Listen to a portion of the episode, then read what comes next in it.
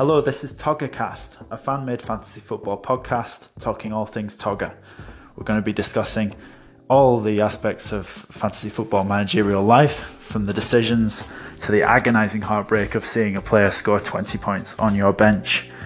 We're going to be inviting discussion from anyone who's listening, if you are listening, um, just to try and discuss our options.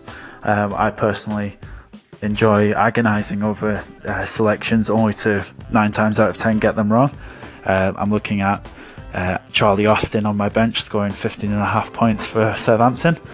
Um, so, what we're going to do, instead of me talking to myself in my house, in my room, an hour before kickoff, we're going to be recording Mondays and Fridays, looking back at the weekend's action and looking ahead to the weekend on a Friday.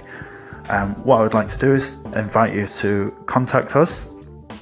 You can contact us at uh, toggercast at gmail.com. Um, and we also have a, a Twitter page at uh, toggercast. If you can get in touch with any questions, any um, anecdotes, any stories of your Togger experience, and we will get cracking tomorrow um, with looking back at what will likely be a defeat for me um, against uh, my good friend Ryan.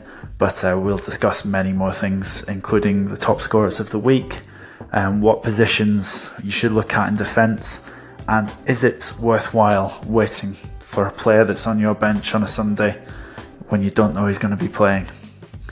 A la Charlie Austin.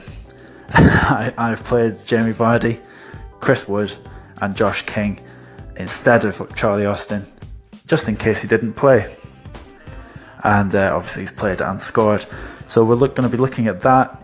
Um, should you go with your gut in these circumstances, even if there was a chance Charlie Austin wasn't going to play? Should I have gone with him knowing that he was on form? Anyway, we'll be discussing that tomorrow. I'll be agonising. Yeah, I, am looking down the barrel of a defeat. Um, but we, we, we've all been there. So if you get in touch with us at toggercast at gmail.com and we'll get cracking tomorrow. See you then.